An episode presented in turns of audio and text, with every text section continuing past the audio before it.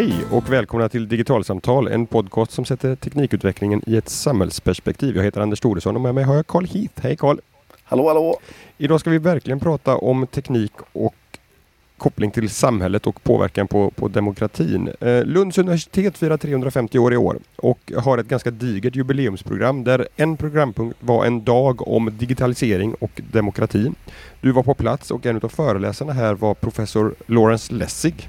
Jajamän, det var en jättehärlig förmiddag med mycket tankar och funderingar. Eh, Lawrence eh, Lessig han är ju akademiker och man kan väl säga att han är politisk aktivist också. Han ställde ju upp i, i det senaste presidentvalet på temat att försöka ändra själva strukturen för hur finansieringsmodeller är för, för politiker. Eh, men han är ju också eh, professor i juridik på Stanford Law School och har grundat eh, Center for Internet and Society och ja, massor av saker. Han har skapare av Creative Commons och suttit i i eh, Electronic Frontier Foundation och så vidare. Så han är i de här sammanhangen av juridik, internet och samhällsfrågor så är han ett stort namn får man säga. Det är han. Ehm, och det, det, här som du, du säger att var en av anledningarna till att han körde en kampanj i presidentvalet som handlar om eh, finansieringen utav, utav amerikanska eh, valkampanjer. Det kopplar ganska mycket eh, till, till, som en fond till det som han pratade om i Lund. Och vi ska säga med en gång också att vi länkar givetvis till den här föreläsningen som finns på Youtube så att ni själva kan, kan lyssna både på den halvtimmen dryga som, som Lawrence pratade och den väldigt intressanta frågestunden som följde därpå. Men kan inte du börja Karl och berätta vad, vad, vad, är det för problem han ser med finansieringen och hur kopplar det vidare till det som vi ska prata om idag? Ja, men det som var en av Lorens stora liksom, eh, eh, käpphästar här då, i samband med förra valet, det är ju att eh, det amerikanska valsystemet så som det ser ut främjar en liten ekonomisk elits intressen i mycket högre grad än vad det främjar den generella allmänna amerikanska medborgaren som får väldigt lite inflytande och möjlighet att påverka i valsituationen annat än att avge sin röst. Eh, men vilka frågor som är viktiga och hur de avhandlas och så vidare.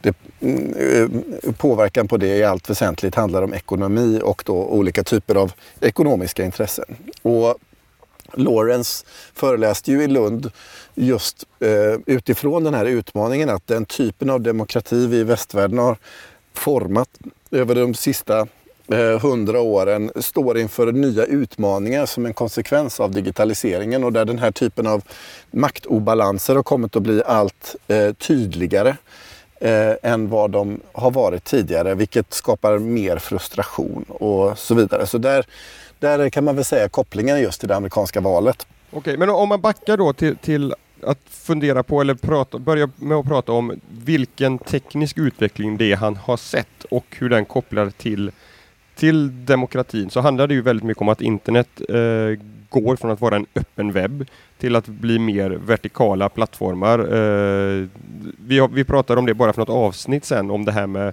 offentliga platser på nätet och det, det var någonting som jag tänkte väldigt mycket på när jag lyssnade på hans föreläsning att det, det är det här avsaknaden utav, utav offentliga platser som är en del och sen också den här personaliseringen, filterbubbleproblematiken som han också lyfter fram som en del i problembeskrivningen utav vad det är som tekniken egentligen gör med demokratin just nu, eller hur?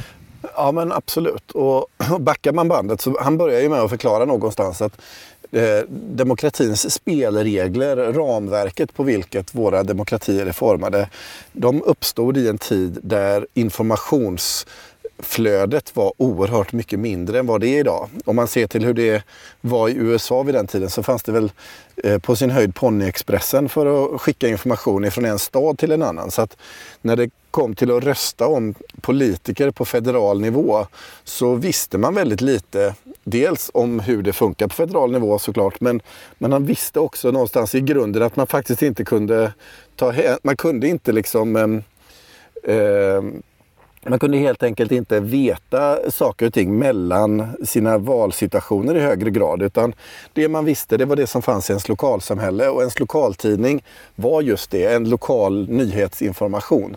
För tiden det tog för information att färdas eh, var mycket längre. Och sen kom massinformations, eh, massmediesamhället eh, framväxt under 1900-talet. Men maktbalansen var i någon mening kvar i den meningen att det fanns ett fåtal kurerade kanaler som kan distribuera information och berätta om vad som händer och göra befolkningen i någon mening betydligt mer upplyst om politik och dagsaktuella händelser och så vidare. Och på det sättet så blir medborgarens röst viktigare eh, och den blir synliggjord. Å andra sidan så kunde man också se att det ändå var svårt rent maktstrukturellt som medborgare att faktiskt komma till uttryck i den typen av informationskultur.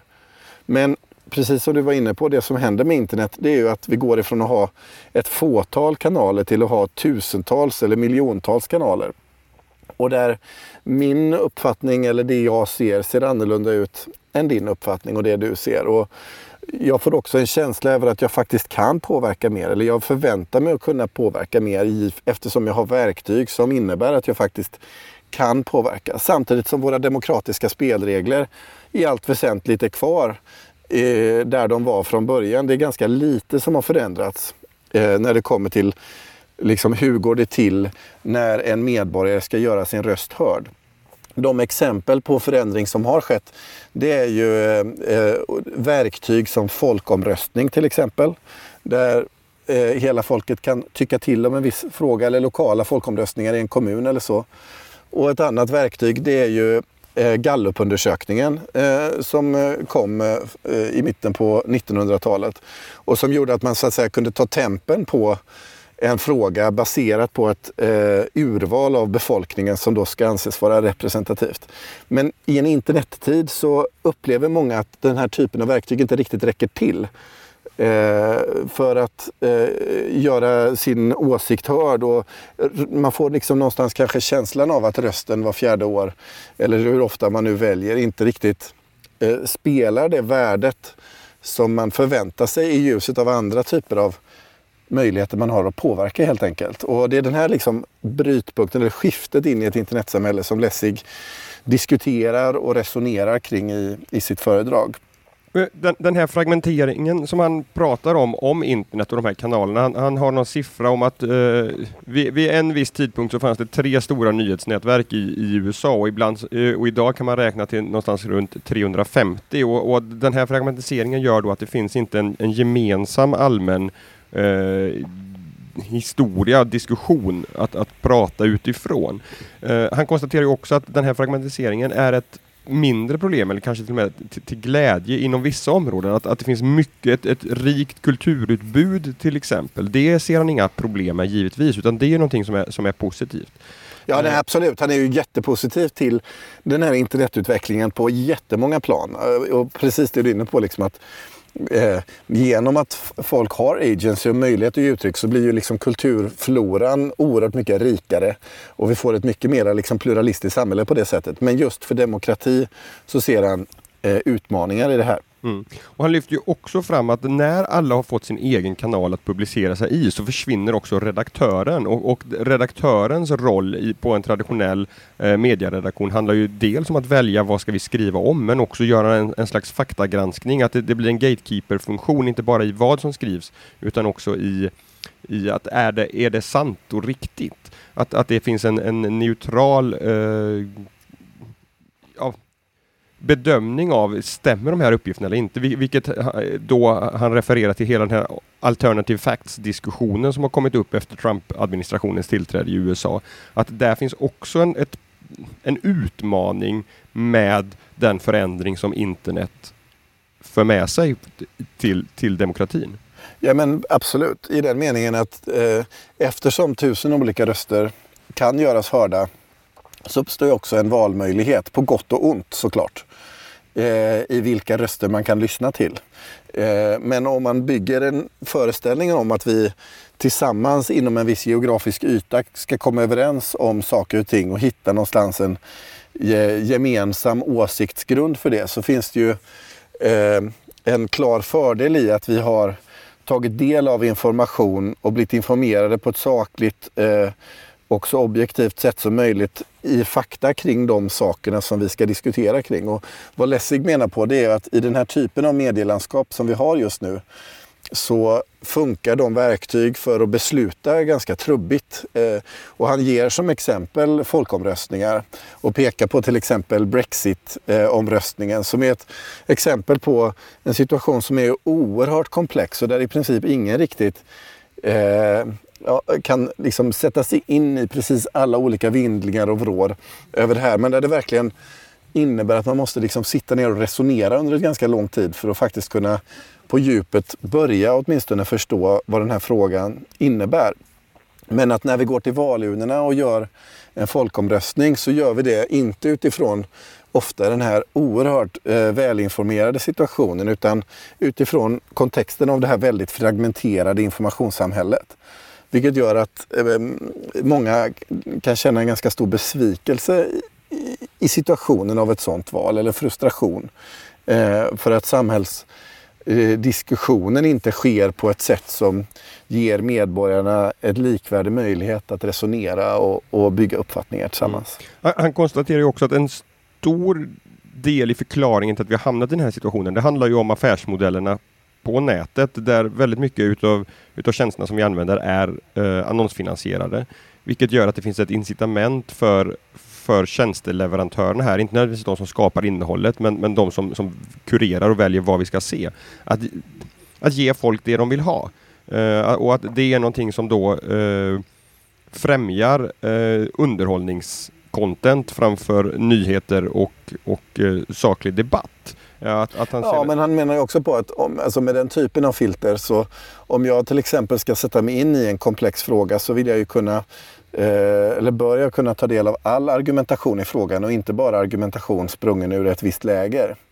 Och, och här pekar han på att affärsmodellerna liksom driver, riskerar att driva debatten på ett sätt som gör att vi, vi fattar beslut baserat på olika typer av underlag helt enkelt. Mm, precis. Vad ser han för lösning på det här då? Alltså Lessigan är ju liksom eh, eh, på något vis optimistisk i det att han har liksom idéer och föreställningar om hur man skulle kunna gå vidare med detta. Och han har också jobbat eh, med ett antal koncept. Men det som han är mest passionerad och engagerad i det är en demokratimodell som eh, kallas för deliberativ demokrati och som han i, i eh, samtalet eh, i Lund eh, häromveckan eh, pratade kring. Han var precis på väg till Mongoliet som är en väldigt ung demokrati men som har infört sådana här deliberativa demokratiska processer i eh, sin demokratiordning i landet. Och eh, han pratade med passion för den här modellen då. Och det man kan väl säga då det är att vad deliberativ demokrati kan sägas är det en slags samtalsdemokrati eller en föreställning om en diskursiv demokrati där man pratar och pekar på samtalets och kommunikationens centrala roll för att utveckla och förstärka demokratin och, och dess processer. Och som man då har eh, gjort det är att man har tagit eh, urvalsmodellen av Gallup eh, där man så att säga tar ett Eh, statistiskt signifikant utfall av personer ifrån eh, populationen i ett land och kallar dem till ett möte. Så i Mongoliets fall då så kallar man 500 personer till ett möte över en helg och där de här 500 personerna då liksom blir ett, ett statistiskt representativt urval av befolkningen. Och de här 500 personerna under den här helgen, de, eh, det är obligatoriskt precis som eh, värnplikt eller jury duty i USA. Eh, att, att eh, medverka i det här. Och, och det eh, Lawrence då pratar om det är att och beskriver det att under de här tre dagarna så har man tillgång till faktaunderlag, experter, man har modeller för samtal som är designade för att få de här 500 personerna att kunna sätta sig in på djupet i en fråga under tre dagar och resonera och diskutera sig fram till en föreställning. Och vad man gör då det är att man tar en gallup på de här 500 personerna eller en stort frågeformulär innan de börjar diskussionen och efter. Och då kan man också se hur deras uppfattningar och åsikter förflyttar sig över tid under den här helgen när de eh, kommer samman och diskuterar och, och så vidare. Och det här underlaget i sin tur, det blir ett vägledande underlag för parlamentets beslutsprocesser eh, som träder i kraft efter detta. För eftersom det är en statistiskt signifikant eh, urval av populationen så blir ju den här helgens samtal och resonerande ett ganska kraftfullt eh, verktyg för att tala om vad en eh, befolkning kan tänkas tycka i en specifik fråga. Och I Mongoliet så har man gjort det här på nationell nivå och regional och lokal nivå eh, och har den här typen av eh, kallade möten då eh, väldigt ofta. Eh, och det pågår eh, diskussioner om olika processer. Så inom en fyra femårsperiod så kan man förvänta sig att man blir kallad till en sån här helg eh, som mongol eh, för att diskutera och det byggs upp en kultur kring detta. Lite grann eh, som ja, hur det är att liksom bli kallad till jury i USA eller, eller motsvarande. Och eh, det är en intressant modell där man liksom från staten i praktiken tvingar medborgarna till ett samtal men där syftet är att det samtalet genererar ett mycket mer kvalificerat diskussionsunderlag på vilket parlamentet sen kan fatta beslut. Och där man som medborgare vet att man har möjligheten att faktiskt vara med i de här demokratiska samtalen och forma och bygga upp eh, Eh, den demokratiska processen i landet i olika frågor. Att jag har alltid chansen och då kommer min möjlighet. Och man vet också att andra beslut har fattats utifrån den här modellen där medborgare alltid finns med i en process.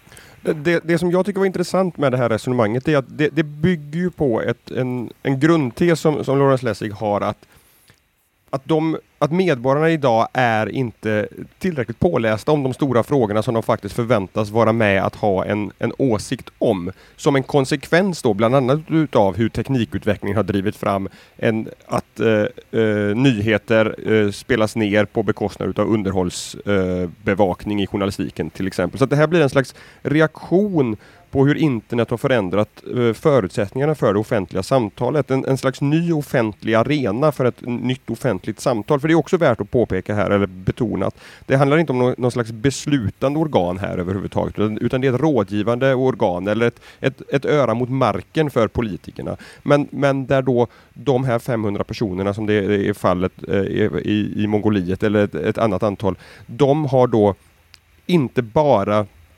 svarat på en enkel eh, fråga i en opinionsundersökning utan de har faktiskt getts och förväntats ta sig tid att sätta sig in i den här frågan på allvar. Eh, det, det, som jag tyckte var, var, också spännande här är att i frågestunden så får Lessig frågan om man, om kan man inte effektivisera den här typen utav samtal, helgmöten eh, med hjälp av internet? Måste man verkligen samla de här 500 personerna på en och samma plats? Varför inte låta dem göra det här uppkopplad via nätet? Och där var svaret ett tydligt att nej men så kan man inte göra. Eller hur? Nej, han, han var ju väldigt tydlig med att eh, än så länge så finns inte de tekniska möjligheterna för att utbyta och ha eh, samtal eh, av den karaktär som deliberativ demokrati eh, liksom behöver för att kunna forma och fatta goda beslut. Ska man vara 500 personer eh, som ägnar sig åt det här så är det en kött och blodövning som gäller. Eh, man behöver ha en liksom lean in inställning till saker och ting och finnas på plats och omslutas av en fråga och inte bli distraherad av tusen och en andra saker eller att det sker som en liksom sidoverksamhet. Utan man behöver kunna känna med hela kroppen och huvudet att nu pågår den här processen och den sker här. Jag är väl inte riktigt lika stark i den uppfattningen som eh, Lawrence är om att eh, det nödvändigtvis måste gå till på det här viset. Men jag kan ju verkligen se eh, argumentationen för det. Vi har ju tidigare i våran podd eh, förra sommaren någon gång diskuterat eh, nätbaserade demokratiska samtalsplattformar i svenska föreningslivet bland annat plattformen Votit eh, som är en eh, liksom, teknisk lösning för att kunna jobba just deliberativt och diskutera eh, och föra samtal inför ett möte. Men, men, men, så det finns exempel på där den här typen av tekniska instrument håller på att byggas. Och jag pratade faktiskt med Lawrence i kaffepausen efter Ehm, efter själva seminariet om den här typen av liksom, eh, teknologier och så. Han själv hade inte tagit del av dem eh, och sett hur de eh, eh, ser ut. Så jag ska faktiskt, vi, vi sa det att jag skulle eh, försöka sätta ihop honom med de här Votit-personerna som vi träffade tidigare i somras. För han var väldigt intresserad av just om det var, det var inte det att han hade stängt dörren helt och hållet för sådana tankar men han kunde inte se att det fanns en teknisk lösning idag som eh, svarar upp mot det som händer under en sån här helg eh, där man träffas 500 personer. Och jag kan väl vara benägen att eh, luta mig mot eh, och ha en, jag, jag, drar nog åt det hållet också, även om jag eh, gärna hade sett att det hade gått att göra på något annat sätt. En uppenbar utmaning med den här deliberativa demokratin som också lyftes i frågestunden, det är att hur väljer man ut det faktaunderlaget som de här deltagarna tar del utav innan de eh, ska ta ställning i en fråga och vilka experter som bjuds in för att, för att eh, presentera sin syn på, på det hela. Och där refererade Lessig till någonting som jag tror han kallar nästan för Wikipedia-testet. Därför att tidigare i, fråg i, i frågestunden så hade också Wikipedia dykt upp som eh, som en diskussionspunkt. Vad är det som gör att Wikipedia har kunnat bli så framgångsrikt. Att det här är en, en öppen plattform där, där det inte är konfliktfyllt i särskilt stor utsträckning och så vidare och det inte är polariserat. Och där, där det då handlar väldigt mycket om att eh, dels affärsmodellen, att Wikipedia inte är eh, annonsfinansierat Eh, är väldigt viktigt. Men också då att det, det finns en, en Wikipedia-kultur om att texter ska vara neutrala. De ska inte favorisera den ena eller andra ståndpunkten utan alla ska kunna skriva under på att det som står här är faktiskt fakta och sen får du själv dra slutsatser utifrån den här informationen. Och att man då på, på, på liknande sätt på något eh, på något sätt ska, ska kunna eh, presentera information i en sån här deliberativ demokratiprocess? Ja, alltså det, här är en av mina kritiker för den här modellen också.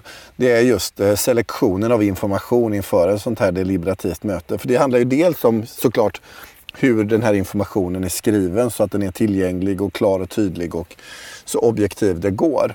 Eh, men det handlar ju också om vilken information som eh, de överhuvudtaget presenteras med. Alltså hur är selektionen av beslutsunderlagen och hur går den till? Och det är ju för att en sån här deliberativ demokratisk process ska kunna eh, kännas trygg och trovärdig för medborgarna så bygger det ju på att hela institutionen funkar. Dels att det selektiva urvalet, alltså selektionen av de som är på det deliberativa demokratiska mötet är eh, korrekt genomfört men också att när de då får, eh, får sitt underlag att att det faktiskt är ett underlag som är brett och informativt och hämtat liksom, eh, på ett sätt som gör att så många som möjligt eh, alltså så många olika perspektiv som möjligt som är relevanta beaktas på ett bra sätt. Och, och eh, frågan om bias i det sammanhanget den blir ju liksom eh, klart eh, relevant. Eh, vem är det som tar fram underlaget?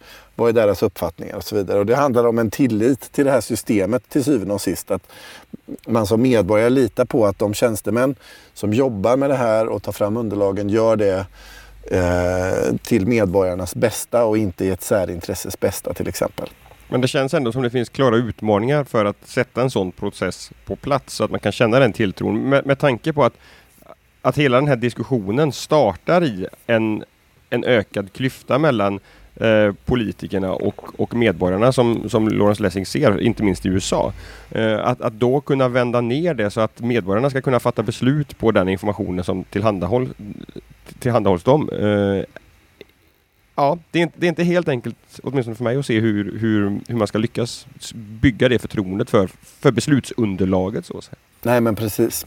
Nej, det är en kluring är det. Och det är också eh, någonstans en typ av institution som eh, är en rätt så komplex apparat att bygga upp. Alltså, eh, Lorentz pratar om det, att det finns en anledning till att eh, den här typen av experiment, demokratiska experiment genomförs i eh, ett land som Mongoliet. För de har inte en eh, maktkultur som är rotad i det traditionella systemet.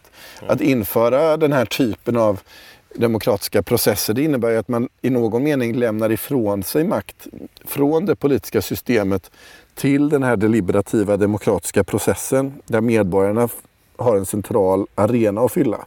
Mm. Och för demokratiska system eh, som redan har en liksom, starkt rotad kultur så ställer ju det här, möter ju det här troligtvis eh, utmaningar och initierar den här typen av sammanhang eftersom det i så fall måste ske på bekostnad av makt eh, som någon idag innehar.